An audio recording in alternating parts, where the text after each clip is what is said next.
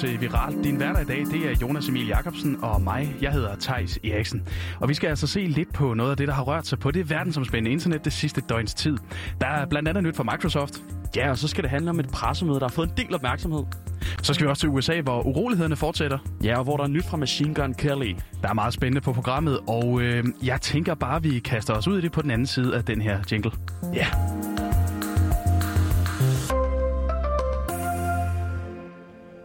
Og øh, så hopper vi da også ud i det, som jeg har lovet, Jonas. Ja, lad os gøre det. Altså, jeg kan jo godt lide at spille nogle spil, når, når jeg ellers kan få det klemt ind mellem alle de der kedelige voksenting, man ellers skal lave. Øh, kan du også det?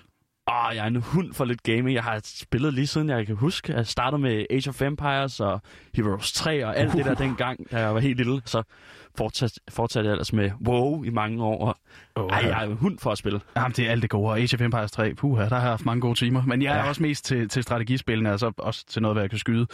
Øhm, men øh, alle de her simulatorspil, de har jo også en, en ret stor og også ret så dedikeret følgerskare. Der er Train Simulator, der er Truck Driving Simulator, hvis man er til det. Det er den bedste. Der er også Farming Simulator. Ja. Det, øh, det, det har der jo været mesterskaber i Danmark her øh, for, for ikke øh, voldsomt længe siden. Altså, jeg har lavet mig fortælle, at Farm Simulator er er et fremragende spil, hvis man kan lide den slags. Jamen, det skulle da også være. Det begynder at være penge i det. Det begynder at være en e-sport i Farming Simulator nu også. Det er og, helt vildt. og så er der jo den store. Og lad os se, om vi kan genkende det på den her lidt wobbly lyd.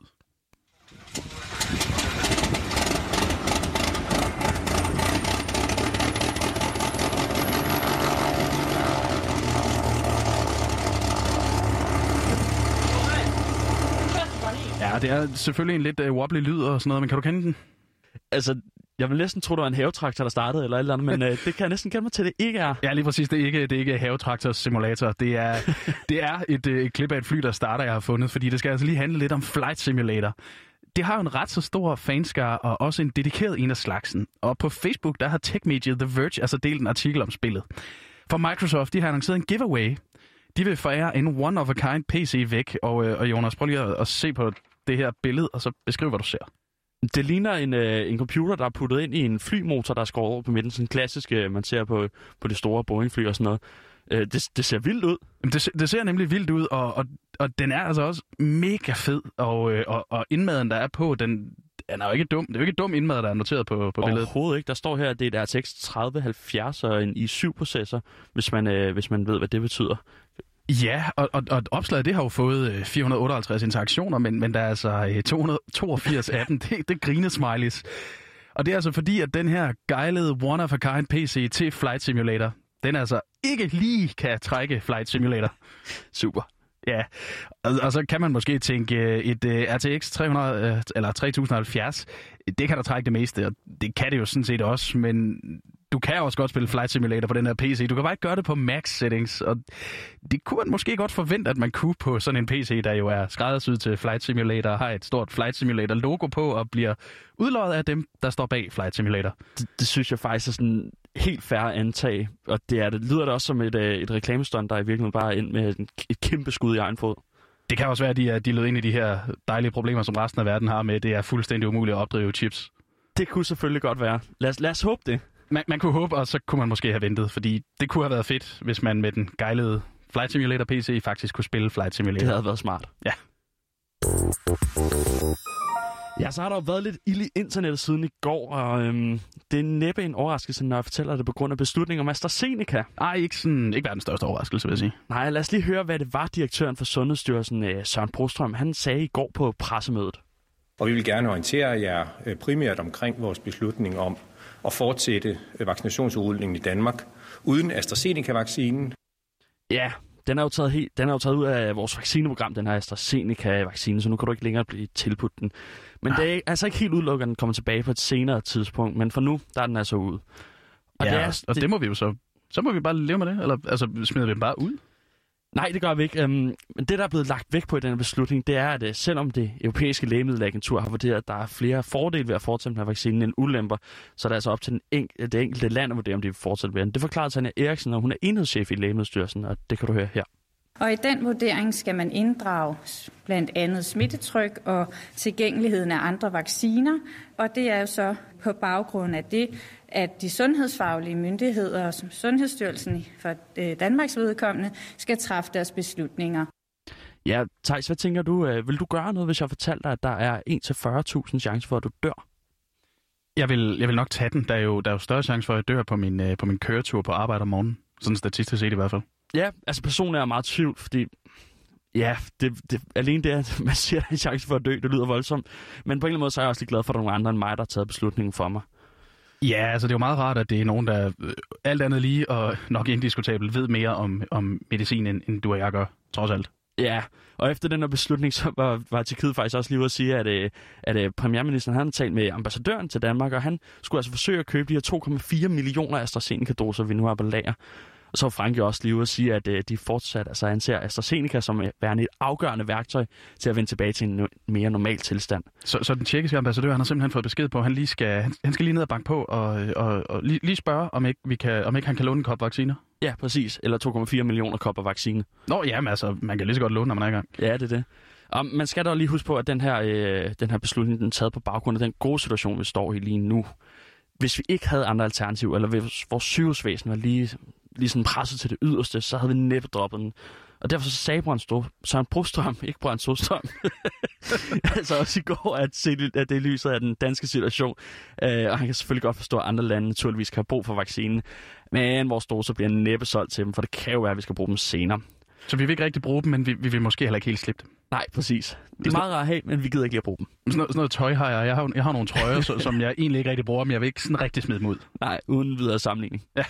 Så skete der også det på pressemødet, Tanja Eriksen fra Lægemiddelstyrelsen, hun besvimede, og um, vi skal lige starte med at sige, at hun altså har det godt igen. Og, og, og det er jo det okay. vigtigste, det er jo det allervigtigste. Det er det nemlig, og TV2 var også hurtigt til lige at klippe væk, og det var kun BT og Ekstrabladet, der ligesom valgte at køre med den her historie. Men i England, der har ingen ringer end BBC simpelthen vurderet, at videoen den skulle med på deres hjemmeside. BBC simpelthen? BBC, den helt store British Broadcasting Corporation, Al- de altså, valgte at bringe den. Altså hele videoen er ikke bare det, vi har set herhjemme, hvor Søren yes. Brostrøm siger, whoops. Yes, hele videoen, hvor man kan se det hele. Og i en ellers udmærket artikel om AstraZeneca-pausen, øh, der smed lige videoen ind uden nogen dybere mening. Det var ikke, fordi den ellers talte ind i noget. Det var bare lige sådan, hey forresten, det har sket også. Øhm, Okay. og det er måske lige en tand for tabloidet til mig. Ja, Man kan jo det- lige kigge over på The Sun, som jo ellers ikke skipper en chance for at bringe noget sådan tabloidt og juicy. Nej, altså de kunne også meget vel have redigeret lyd ind på den. Ja, de, øh, de, kunne, have, de kunne have gjort mange ting, men øh, de har altså AstraZeneca-historien uden video. Okay, The Sun har, har, har fravalgt videoen her, og, og BBC de har, de har bare kørt den lidt urelateret i artiklen. Fuldstændig. Det er Det- det, der er sket simpelthen. The tables have turned. Fuldstændig. 10.000 interaktioner, 11.000 kommentarer over 400 delinger. Det har en artikel på amerikanske Fox News' Facebook-side fået, og artiklen den handler om Kimberly Potter, eller Kim Potter, som hun er, er blevet kendt. Siger navnet der noget, Jonas? Ja, det gør det. Det er jo hende med... Eller ikke med taseren så. Nej, øh, det er jo hende, der er anklaget for at have skudt den sorte Dante Wright, og angiveligt fordi hun altså byttet om på sin taser og sin rigtige pistol, efter at hun med sin kollega havde stoppet Wright, fordi der var arrestordre på ham. Og øh, at hun så fik skudt ham og taget livet af ham, det er angiveligt ved et uheld. Det førte så til store demonstrationer og protester i, i Minnesota, og så få dage efter det, jamen, så sagde Kim Potter og politichefen i byen Brooklyn Center i Minnesota altså også op. Og øh, i går der blev Kim Potter så anholdt. Men hun er faktisk allerede ude igen på kaution, og det er det, den her artikel den handler om. Fordi øh, der er blevet betalt 100.000 dollars, altså lige over 620.000 kroner, for at hun kan komme ud på kaution. Og det får altså en del reaktioner på Facebook, og, og det er jo fordi, kaution, det er jo, hun er jo ikke off the hook. Hun slipper bare for at sidde i fængsel, indtil hun skal for en dommer. Ja, det er, altså, set med vores, sådan, øh, hvad kan man sige, retsstatsøjne, så det er en mærkelig ting, det der med bare at, at betale, og så er det sådan, ja, ja, du har gjort noget super ulovligt, men du må godt bare være fri.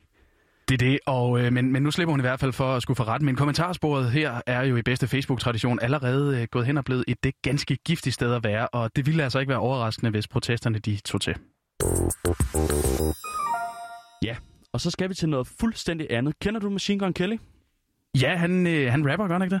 Jo, altså han er rapper, eller det var han, for han har udgivet fem albums, og det fjerde kom faktisk også på, øh, på, på hvad det hedder, fjerdepladsen af det der top, top 100 Billboard i USA. Men det femte, der kom i september sidste år, det var hans sidste rapalbum, for fremover, der vil han lave pop-punk. Okay. Men det var faktisk overhovedet ikke det, det skulle handle om. Det skulle handle om nejlak. Ja, det er også Ja. punk. Ja, det er det jo. For det er ikke kun pop-punk, Machine Gun Kelly øh, vil lave fremover, men også unisex nejlak.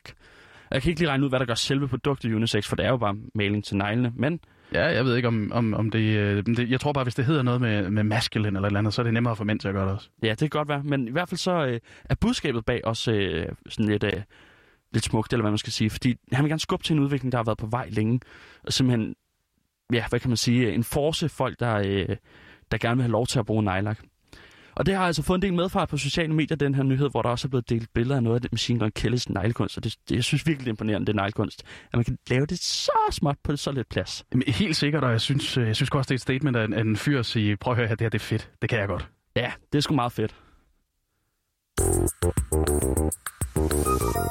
Og med det så kom vi altså til vejs ende. Du har lyttet til Viralt, og din værter, det var mig, Tejs Eriksen og Jonas Emil Jakobsen. Tak, fordi du lyttede med.